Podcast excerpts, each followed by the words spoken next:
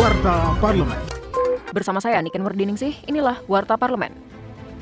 Ketua Badan Kerjasama Antar Parlemen DPR RI, Fadli Zon, berpendapat pemerintah Indonesia perlu melakukan hal konkret guna menyelamatkan korban sipil dalam konflik Israel-Palestina, yakni mengirimkan bantuan kemanusiaan, baik berupa obat-obatan, makanan, dan lain-lain. Fadli menambahkan, hal konkret lain yang dapat dilakukan adalah menyuarakan kemerdekaan dan kedaulatan Palestina. Menurutnya, dalam hal ini Indonesia memiliki posisi penting dalam forum-forum internasional.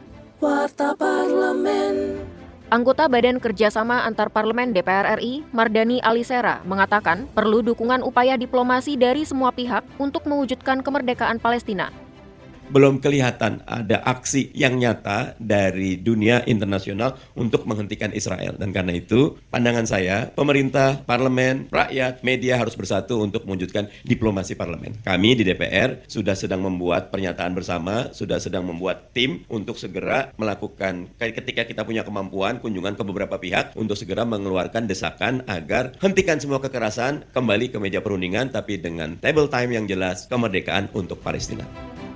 Informasi selengkapnya kunjungi laman dpr.go.id. Anggota Komisi 1 DPR RI, Sukamta, menilai kembali terpilihnya Indonesia menjadi anggota Dewan HAM PBB memberikan tanggung jawab dan komitmen untuk menjunjung tinggi penegakan HAM, baik di dalam negeri maupun di dunia internasional. Menurutnya secara khusus masih ada tugas Indonesia yang belum terwujud, yaitu mendukung kemerdekaan Palestina dari penjajahan Israel. Indonesia harus tegas dan aktif mencegah terjadinya pelanggaran HAM, khususnya terkait konflik Israel-Palestina. Televisi Radio. Demikian Warta Parlemen, Produksi Televisi dan Radio Parlemen, Biro Pemberitaan Parlemen, Setjen DPR RI.